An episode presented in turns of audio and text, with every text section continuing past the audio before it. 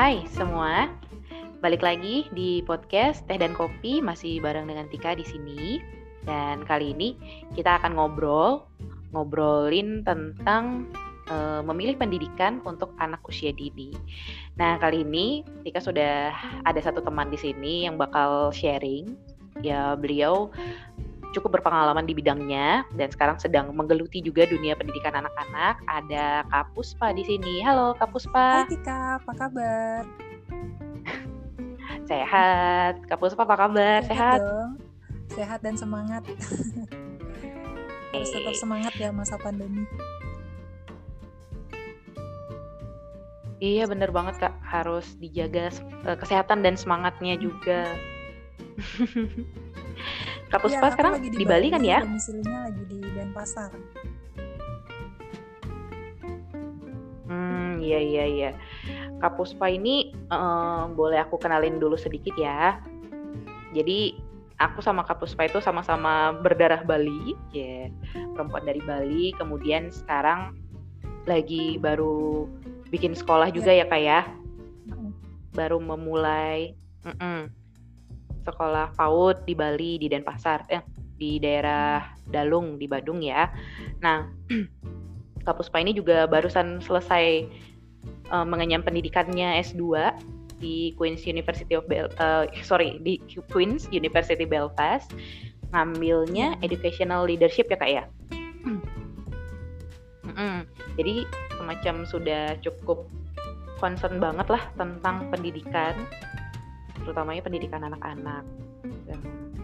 Kenapa sih kita mau ngobrolin tentang pendidikan anak-anak? Ya, sebenarnya pertama karena aku sendiri juga punya anak kecil dan nantinya juga pasti akan sekolah dan juga supaya teman-teman punya bayangan sih untuk yang mungkin punya sedang saat ini uh, punya anak yang berusia dini atau nanti juga berencana berkeluarga dan ya perlu tahu lah bagaimana sih sebenarnya proses dalam memilih sekolah untuk anak usia dini itu? Karena pendidikan itu kan dimulai dari pertama dimulai dari rumah kemudian pendidikan anak usia dini itu sangat berpengaruh sih untuk pembentukan karakter mereka nanti. Kira-kira gitu nggak sih ya? Bener kak Puspa? Prosesnya panjang dari masih ya udah iya. pembentukan sudah mulai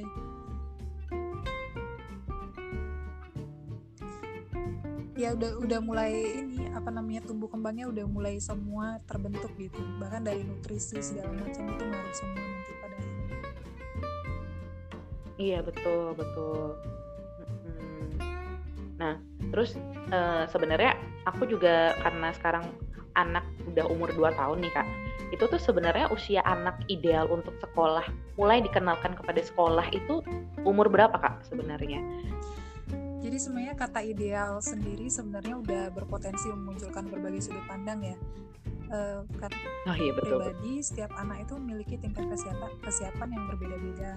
Misalnya kalau kita bicara nih masalah tentang kesiapan fisik, usia anak mulai bisa berjalan aja udah beda-beda kan. Ada yang bisa oh, iya, betul. awal, ada yang bisa jalan uh, usia 8 bulan, satu tahun atau bahkan satu setengah tahun baru bisa berjalan seimbang. Nah jadi sebenarnya uh, kesiapan anak itu jauh lebih penting dan lebih prioritas uh, dijadikan sebuah alasan untuk uh, mulai sekolah dibandingkan alasan lainnya juga banyak kesiapan lain sih misalnya kayak kesiapan secara emosional di mana misalnya anaknya cukup anteng ditinggal di sekolah kemudian juga kesiapan sosial anak sudah mampu menjalin komunikasi sederhana dengan teman sebayanya atau gurunya. Paling enggak ketika misalnya ditinggal sama orang tuanya bersekolah anak udah tahu caranya minta tolong sama gurunya untuk sesuatu. Baik itu ke toilet atau lapar gitu. Jadi uh, kembalinya itu masalah ideal itu kembali ke kesiapan masing-masing anak gitu. Oh gitu. Jadi uh, kalau yang dibilang sama kan ada lah ya yang orang-orang bilang semakin cepat anaknya sekolah itu semakin baik itu nggak benar berarti ya kayak ya? kurang tepat gitu. Ya kalau sebenarnya secara legal kalau untuk peraturan di Indonesia ya undang-undangnya anak itu sudah bisa masuk sekolah dari usia 2 tahun. Nah jadi eh, pendidikan anak usia dini itu melayani usia 2 sampai 4 tahun di bawah naungan kelompok bermain atau mungkin yang di masyarakat lebih uh, ngetren dengan istilah playgroup bahasa Inggrisnya ya Kemudian 4 sampai tahun ini sudah tergolong usia prasekolah persiapan sebelum dia masuk SD. Jadi udah uh, masuk TK, taman kanak-kanak atau ada yang bilang kindis atau reception itu itu juga terbagi TK 0 kecil 0 besar. Jadi sebenarnya pemerintah sudah memberikan uh, range itu dari dua usia sampai enam tahun. Tapi kalau untuk kesiapan masing-masing anak itu kembali ke keluarga masing-masing karena banyak faktor yang mempengaruhi ada kayak latar belakang keluarga gimana kultur di keluarganya mendidik dia jadi mandiri dan siap untuk dilepas sekolah. Ada juga faktor ekonomi kesiapan dana pendidikan dari orang tua. Jadi banyak faktor di sini kalau untuk memulai sekolah. Orang tua sih mesti cross check sih banyak uh, spektrumnya mana hmm. dipertimbangkan sehingga akhirnya dirasa anaknya sudah siap untuk ke sekolah Oh, Oke, berarti yang yang menentukan yang harus benar-benar tahu itu ya balik lagi ke orang tua ya kak? Mm-mm, ke keluarga masing-masing. Dan juga jangan lupa Iya juga iya iya. lihat kondisi anaknya gitu. Jadi kalau misalnya untuk awal-awal biasa sih anak-anak itu masih nangis di sekolah masih pengen ditungguin. Tapi kalau misalnya sudah diobservasi dilatih sekitar seminggu anaknya masih seperti itu, mungkin ada hal-hal yang harus dicek di keluarga di rumah. Kira-kira apa yang membuat anak belum siap? Gitu. Jadi ada kayak masa trial gitu ya untuk mereka. Iya, uh, anak-anak kan sebenarnya dia terbiasa dengan lingkungan di rumah ya, ketemu orang orang-orang yang mereka udah kenal. Ketika mereka dikenal hmm. lingkungan luar atau asing, pasti ada perasaan gak aman atau gak nyaman gitu. Hmm, betul betul. Biasanya keluarga yang kultur keluarga yang biasa ngajak anaknya keluar atau berkunjung ke rumah saudara atau itu itu anaknya lebih cepat beradaptasi dengan dunia luar ketimbang yang memang di rumah terus gitu. Oh iya iya iya iya benar benar benar benar. Kemudian uh, Kak kan mendalami nih tentang pendidikan dan mungkin juga udah ada gambaran dari beberapa kurikulum yang ada di uh, beberapa negara lah ya. Yang kita tahu mungkin paling terkenal itu Finlandia ya. Itu kan katanya uh, negara dengan kualitas pendidikan paling baik tuh. Nah ada juga Jepang mungkin yang memang budaya mereka tuh kita anggap paling paling apa ya paling disiplin lah ya. Nah itu kalau menurut kakak nih di Indonesia ini kurikulum yang seperti apa sih yang uh, kira-kira paling tepat dan paling paling mungkin untuk diterapkan di kita gitu sebenarnya sih kita sendiri juga udah punya ya konsep kurikulum yang bagus yang dulu dikenalkan oleh Ki Hajar Dewantara. Dan uh, kurikulum ini sebenarnya nggak ada yang jelek nggak ada yang bagus ya karena sifatnya di semua negara itu konteksnya berbeda kulturnya berbeda resources yang ada berbeda. Sehingga sebenarnya aku kurang setuju dengan adanya perbandingan ini negara yang pendidikannya paling bagus ini yang enggak gitu. Karena uh, baseline-nya nggak sama ya. Kita kita nggak berangkat dari starting point yang sama gitu. Tapi kalau misalnya kita mau bahas kurikulum yang efektif itu sebenarnya kurikulum yang berorientasi pada anak namun relevan dengan perkembangan atau kodrat zaman. Jadi dia itu e, misalnya ya khusus di Indonesia kurikulum tuh harus kuat mengakar pada pembentukan jati diri bangsa tapi juga dalam waktu yang bersamaan memberi kesiapan dan akses untuk anak-anak tampil di panggung dunia gitu. Jadi e, mereka kuat e, akarnya tapi juga mereka ready untuk bersaing di kancah global gitu. Nah, eh, ngomong-ngomong masalah itu di Undang-Undang Sisdiknas khusus PAUD itu sebenarnya sudah menekankan eh, enam aspek perkembangan yang wajib distimulasikan kepada anak usia dini gitu. Jadi kalau misalnya mau ngecek kurikulum, at least uh, ketika berkunjung ke sekolah mungkin dilihat apakah sudah ada enam aspek dasar ini. Misalnya yang pertama itu aspek moral spiritual gitu diajarkan di sekolahnya, kemudian sosio emosional, fisik motorik, kemudian kognitif atau daya nalar, eh, bahasa, yang terakhir seni. Sebenarnya semua kurikulum sih dirancang untuk mengoptimalkan potensi tumbuh kembang dan kesiapan anak ya, eh, khususnya menuju masa depannya. Namun yang membuat nanti hasilnya berbeda itu ada pada delivery prosesnya, di mana sebuah kurikulum itu diberikan eh, ke anak dengan memperhatikan dunia anak, kebutuhan anak, dan minat anak itu sendiri. Oh iya iya. Jadi sebetulnya memang dirancangnya sudah ada, cuman bagaimana sekarang cara sekolah itu untuk me melaksanakan itu ya kayak? Ya? Hmm, karena kan balik ke situ masalah kurikulum kan bukan hanya tentang konten atau kertas aja tapi apa yang memang uh, diimplementasikan ketika proses pengajaran dan outputnya kemudian gitu hmm iya iya iya betul betul oh jadi memang tidak bisa dibandingkan mana kira-kira kurikulum yang paling oke okay. jadi ya balik lagi ke sekolahnya kita perlu evaluasi terus hmm. anaknya nanti hasilnya seperti apa sekolahnya juga gimana kita benar-benar harus monitoring terus ya kayak sebagai orang tua hmm. paling enggak itu aware tadi lah uh, as enam aspek dasar itu untuk anak yang dicek hmm. kalau mau cek kurikulum secara konten ya kemudian kalau dari delivery sih mungkin kalau memang mau visit ke sekolah pada saat dia mengajar mungkin bisa dilihat gimana interaksi anak-anaknya apakah mereka di sekolahnya itu happy atau mungkin ada kayak router tekan atau gimana. Itu kan kita bisa lihat observasi secara kasat mata ya. Nah, seperti itu iya, sih jadi memang nggak bisa kalau kayak dulu kan kayaknya kalau uh, anak-anak ya udah dilepas gitu aja diserahkan gitu ya ke sekolah. Jadi orang tuanya ya udah gitu terima anaknya udah sekolah gitu orang tua nunggu di rumah gitu. Ya memang harus lebih aktif ya kak. Ya dengan perkembangan teknologi sekarang kan sebenarnya informasi semakin banyak ya tua juga terpapar informasinya itu banyak banget dari berbagai macam expert. Nah, sebenarnya jangan berhenti sampai di situ, tapi juga memang dipakai informasi tersebut untuk memfilter atau enggak e, membantu dalam pengambilan keputusan memilih sekolah yang bagus atau mungkin yang terbaik untuk anaknya begitu. Hmm, iya, iya, iya betul betul betul.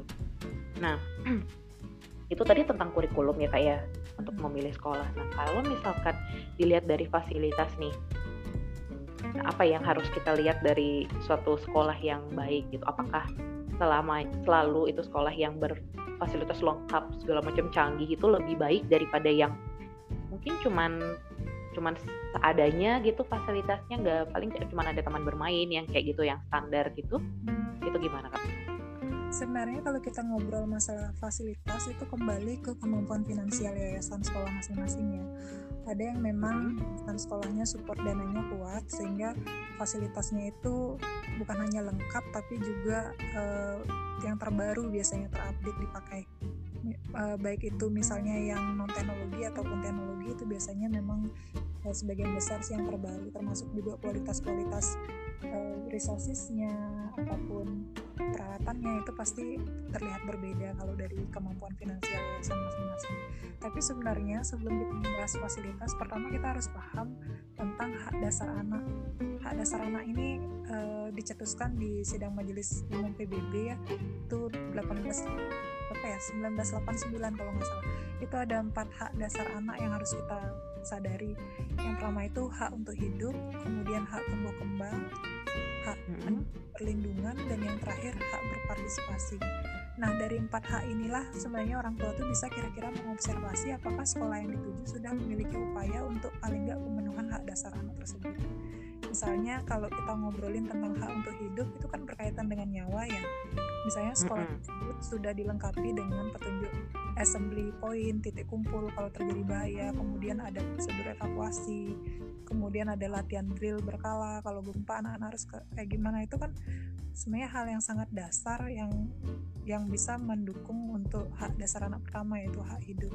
Kalau misalnya kita ngomongin hak tumbuh kembang bisa dilihat dari program uh, anak usia dini yang dibuat apakah stimulasi-stimulasinya sudah memberikan uh, stimulasi yang mendukung tumbuh kembang sesuai dengan usianya. Kemudian juga program gizinya dilihat. Apa sekolah punya program uh, pemantauan gizi dan kesehatan tumbuh kembang anak kemudian stimulasinya juga bisa dicek di sana. Kemudian yang ketiga itu hak mendapat perlindungan bisa dicek di fasilitasnya. Apakah fasilitas yang disediakan itu membuat anak-anak merasa aman dan nyaman bebas dari kekerasan verbal dan non verbal karena kan sekarang lagi marak ya bullying di sekolah. Hmm, ya betul. Dan yang terakhir untuk hak berpartisipasi bisa dilihat juga bagaimana bentuk komunikasi guru di sekolahnya dengan anak. Komunikasi yang baik itu sebenarnya mengajak anak untuk berpartisipasi di pendidikan itu sendiri. Jadi komunikasinya dua arah gitu. Uh, lebih demokratis nggak satu arah gurunya ngomong anaknya nurutin nggak. Tapi ada dialog dengan guru dengan anak dan memperhatikan sebenarnya anak tuh maunya kayak gimana dan nyamannya seperti apa gitu. Jadi lebih menempatkan anak sebagai subjek sih bukan objek di sekolah. Oh iya iya iya iya. Tuh oh berarti kita melihatnya dari empat itu ya paling nggak harus ada terlepas dari hmm. apa pun bagaimanapun fasilitas yang diberikan paling tidak ini di, bisa dipenuhi gitu ya. Hmm, itu dasar soalnya. Jadi kalau misalnya lebih dari ini bagus banget. Balik bagus lagi banget. finansial orang tua. Apakah misalnya tuition fee-nya atau uh, uang gedungnya cocok gitu dengan kamu hmm ya ya ya ya. Oke berarti ya nggak harus ke sekolah yang mahal. Paling nggak hak ini terpenuhi ya berarti sudah cukup gitu ya untuk uh, si anak ini. Gitu iya, kan soalnya kan kayaknya gimana ya orang tua zaman sekarang yang nggak salah juga sih pada berlomba-lomba kan gitu untuk mencari sekolah yang terbaik. Dan sekolah yang terbaik sekarang tuh biasanya di ya apa ya dilihat itu dengan di sekolah yang ya cukup cukup tinggi juga sih biayanya nggak nggak sedikit kan untuk anak-anak PAUD itu terutama bisa lebih tinggi biayanya malah sama anak-anak SMA nah itu sebenarnya sih permasalahannya bukan biaya tinggi ya tapi accountability ya. Apakah dengan harga yang sekian dibayarkan memang yang didapat juga bagus gitu. Banyak soalnya juga sekolah-sekolah yang ngecasnya mahal tapi ternyata yang didapat itu nggak sesuai dengan harga gitu loh. Jadi memang harus dicek lagi apakah memang pengeluaran sebesar it, uh, yang dikeluarkan itu worth it nggak dengan apa yang didapat dan cara mengeceknya memang harus diobservasi ya kak sebelum kita memutuskan untuk masuk ke sana. Kemudian yang berikutnya nih kak tentang penggunaan bahasa Inggris atau memperkenalkan anak tentang bahasa asing ya bahasa bahasa, bahasa Inggris lah yang paling sering. Itu seberapa penting sih kak dilakukan di, uh, diberikan di sekolah? Kan banyak di sekolah yang menawarkan um, penggunaan bahasa Inggris. Nah itu ya kayak gitu. Sebenarnya sih kalau kita ngomongin tentang bahasa pengantar yang dipakai di sekolah itu tergantung ke rencana dan dana pendidikan anak. Kalau memang anaknya disiapkan untuk continuum plan dari misalnya PAUD sampai SMA di sekolah yang konsisten menggunakan bahasa pengantar bahasa Inggris ini mungkin jadi pilihan yang tepat ya untuk exposure dimulai dari sejak dini. Bahkan mungkin orang tua yang sudah menyiapkan anaknya kuliah di luar negeri itu udah bagus banget startingnya dari uh, anak usia dini. Sebaliknya kalau misalnya dari segi rencana atau kesiapan dana pendidikan rasanya sulit konsisten untuk memilih sekolah dengan program bahasa Inggris yang bagus, maka sebenarnya pilihan ini bisa ditunda. Soalnya sayang banget kalau misalnya PAUD-nya sudah bahasa Inggrisnya bagus, tapi saat naik SD atau SMP stimulasinya putus dan lingkungannya nggak mendukung. Jadi investasinya kalau menurut saya pribadi sih itu jadi kayak sia-sia gitu. Jadi memang harus dilihat arahnya ke depan gimana ya. Kita memang mau uh, konsisten nanti anaknya dilatih bahasa Inggrisnya biar bagus sampai SMA bahkan sampai kuliah. Atau memang uh, ya gitu uh, terbalik lagi ke kantong masing-masing ke kesiapan dana. Anak kalau memang nggak siap untuk program jangka panjang seperti itu sebenarnya nanti ketika SD SMP atau SMA mulai cari sekolah yang bahasa Inggrisnya bagus sih bisa sih. Artinya bisa ditunda kebutuhan untuk itu Nah, kemudian ini Kak yang terakhir ada sebenarnya ini juga mungkin paling penting juga sih ya tentang gimana sih peran orang tua dalam um, apa ya mengawasi dan menyertai ya pendidikan anak usia dini. Meskipun anak sudah di sekolah gitu kan tapi kan tetap harus ada peran orang tua nih. Nah itu tuh kayak gimana aja sih? Kan mungkin kita nggak bisa berserah gitu aja ya ke sekolah. Nah kira-kira gimana tuh kalau menurut Kapus sebenarnya Dewantara sendiri mengistilahkan dari dulu istilahnya tripusat pendidikan. Jadi tiga pemangku kepentingan yang berperan penting dalam pengalaman belajar anak ya uh, khususnya statistik. Misal anak kalau misalnya di sekolah diajarkan tentang traffic light misalnya merah artinya stop kuning hati-hati hijau jalan dan setiap warna itu ada uh, artinya. Namun kalau misalnya bepergian dengan keluarga, dia melihat ayah ibunya misalnya nyerobot saat lampu belum hijau, itu udah nggak konsisten apa yang diajarin di sekolah dengan apa yang mereka temui di rumah. Atau misalnya kalau sekolah dan orang tua kompak nih ngajarin antri pas belanja misalnya di tempat umum, misalnya di supermarket, di kasir supermarket dia lihat orang lain itu nyerobot antrean dan pada saat itu tidak mendapat sanksi nah ini juga akan merusak kesinambungan dari substansi dan nilai-nilai yang diajarkan ke anak jadi sebenarnya bukan hanya orang tua dan sekolah aja masyarakat juga penting jadi tiga pemangku kepentingan ini harusnya bersinergi sih dalam uh, mewujudkan pendidikan ataupun pengalaman belajar anak yang memang holistik jadi nilai-nilai yang bagus itu memang mesti diperankan juga di masyarakat sehingga apa yang kita ajarkan di sekolah dan di rumah itu bisa konsisten. Oh iya iya iya. Iya. Jadi semacam sebenarnya keluarga dan masyarakat itu sebenarnya semacam laboratoriumnya anak ya untuk mempraktikkan apa yang mereka dapat di sekolah. Hmm. Ya sebenarnya di sekolah kan justru di sekolah labnya karena skopnya lebih oh. kecil mereka prakteknya dengan teman-teman sendiri kan.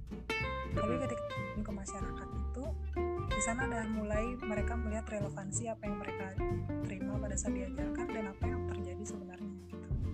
Oke, okay. hmm. tapi kalau misalnya masyarakatnya tidak kurang mendukung lah ya untuk terjadinya keselarasan itu, nah itu gimana tuh kak? Nah di situ tadi peran pentingnya orang tua menjelaskan kenapa bisa seperti itu. Sebenarnya uh, lebih apa ya? Mungkin dituntut orang tua lebih bijak yang menjelaskan alasannya kenapa nyerobot misalnya kenapa gini dan dan misalnya memberikan judgement yang bagus karena bahwa uh, menyerobot seperti itu memang mungkin bisa dilakukan tapi misalnya resikonya bisa kalau misalnya di jalan raya kalau menerobos lampu merah. Atau mungkin kalau misalnya di supermarket kita nggak pernah tahu bahwa yang antri di belakang kita misalnya lagi membutuhkan waktu cepat-cepat gitu. Misalnya sedang membelikan sesuatu untuk orang tuanya misalnya di rumah sakit gitu sedangkan kita nyerobot kita nggak pernah tahu hal itu. Jadi sebenarnya ngajarinnya hal-hal yang simpel sih tapi lebih memberikan judgement yang tepat. Jadi orang tua itu fungsinya penting sekali menjembatani apa yang dipelajari di sekolah dengan apa yang mereka lihat di masyarakat dengan value-value yang dimiliki di rumah gitu. Jadi lebih ke peran validasi sih. Ya. oh iya iya iya iya ya. oke. Okay. uh kompleks banget ya ternyata perannya orang tua. Tuh perannya iya, keluarga. Membuat terkoneksi semuanya. Iya iya iya karena soalnya ya gitu zaman dulu kan ya udah orang sekolah orang tuanya ya udah nunggu di rumah aja kayak gitu kan. Cuman sebatas seperti membayar uang sekolah ya udah gitu aja tugas orang tua tuh. Tapi ternyata sangat kompleks nggak cuman nggak cuman sampai emang observasi sekolahnya tapi juga harus nah itu menjembatani tadi. Hmm, termasuk juga menjadi teladan sih itu yang terberat hmm, kadang-kadang kita nggak pernah sadar melakukan hal-hal yang di luar dari yang kita sendiri ke anak-anak iya benar-benar sendiri juga masih sering kayak gitu ya, sih nggak sadar. Ya. anak-anak kan nggak mendengar apa yang kita omongin tapi mereka melihat apa yang melihat. kita lakukan. Iya benar-benar itu kayak katanya kan memang cara terbaik untuk mendidik anak adalah dengan merubah diri kita dulu. Wah itu PR banget. Sih PR banget emang. PR banget sekolah tahun nih. Kenapa? Jadi sebenarnya orang tuanya juga ikut sekolah PAUD. Jadi anaknya mulai PAUD orang tuanya udah mulai siap-siap juga. Bener kak bener. Bahkan mungkin bukan dari mulai sekolah ya dari mereka lahir aja orang tuanya udah mulai banyak banget belajar kan. Hmm. yang paling banyak belajar itu adalah ternyata si orang tua sih. Balik lagi anak itu ya melihat apa yang kita lakukan gitu ya. Hmm terlepas ilmu berkembang kayak kita dulu ngajarinnya lagu-lagu yang kayak bintang kecil pelan-pelan. Hmm? sekarang udah ada Johnny Johnny iya sekarang ada macam-macam twinkle twinkle itu aja udah lawas ya. Jadi mau nggak mau orang tuanya juga ikut kayak masuk paut belajar ulang. Betul harus update ilmu terus sih itu sih. Dan membuat anak menanamkan nilai-nilai yang kayak apa ya yang bikin anak itu biar mau terus penasaran sama sesuatu itu itu itu yang jadi ya. concern benernya hmm. itu lebih ke forsi sih ya critical thinking mm -hmm. yang communication sama collaboration sebenarnya penting banget sih mem membuat anak itu punya hmm, apa ya curiosity lebih penasaran sama suatu hal itu jadi kalau misalnya kita di kultur keluarga yang udah terbiasa ngelarang-larang itu biasanya anak udah takut duluan dan nah, iya. mereka nggak berani decision making sendiri mau ngambil sesuatu pasti mereka melihat orang tuanya diizinkan nggak ya gitu karena udah hmm. terbiasa dilarang-larang gitu atau mungkin yang masih punya kebiasaan nakut-nakutin anak itu sih harusnya dihentikan ya. Oh iya iya iya iya. Bener-bener itu susah susah sih kak untuk membuat itu tapi ya itu dia tantangannya untuk mendidik anak tadi. Tidak mudah memang ya dan dan panjang banget perjalanannya. Kadang kita nggak bermaksud seperti itu tapi karena kultur keluarga kita sendiri waktu kecil dididik seperti itu jadi secara nggak sadar alam bawah sadar melakukan hal yang sama gitu. Karena kita referensinya yaitu pengalaman kita ketika dididik dulu. Benar banget. Nah ini udah beda topik mindful parenting. Iya iya ini udah beda topik sih. Nanti mungkin kita bahas lain lagi kali ya kayak iya. Jadi kira-kira itu untuk apa-apa aja sih yang harus diperhatikan dalam memilih sekolah untuk anak usia dini yang bisa uh, dijadikan mungkin referensi untuk para pendengar nantinya supaya supaya ada bayangan lah ya untuk hmm. menyiapkan pendidikan anak jadi nggak cuman nggak cuman sekolahnya yang kita seleksi tapi kitanya juga harus siap dulu untuk mendampingi si anak ini mengenyam hmm. pendidikan pendidikan yang sebenarnya dilakukan dengan bermain ya kak ya kalau untuk anak usia dini kan Iya, nah itu lagi juga ketika kunjungan atau observasi ke sekolah mungkin bisa dilihat apakah uh, delivery kurikulumnya itu bentuknya bermain atau belajar gitu. Sebenarnya bermain sambil belajar sih, uh, belajar yang disisipkan dalam aktivitas bermain.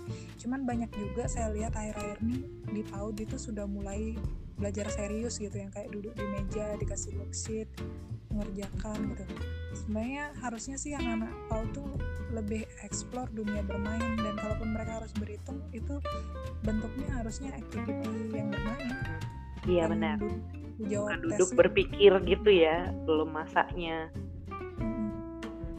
nah, mereka yeah. harusnya aktif sih secara fisik iya. motorik yeah. mereka harusnya aktif moving gitu jadi benar karena iya energi mereka tuh benar-benar emang masih untuk bermain belum bisa dikontrol kan untuk anak-anak ketika mereka kita paksa untuk belajar nah itu mungkin nanti akan jadi sebuah tekanan yang berbeda lagi untuk anak itu kan.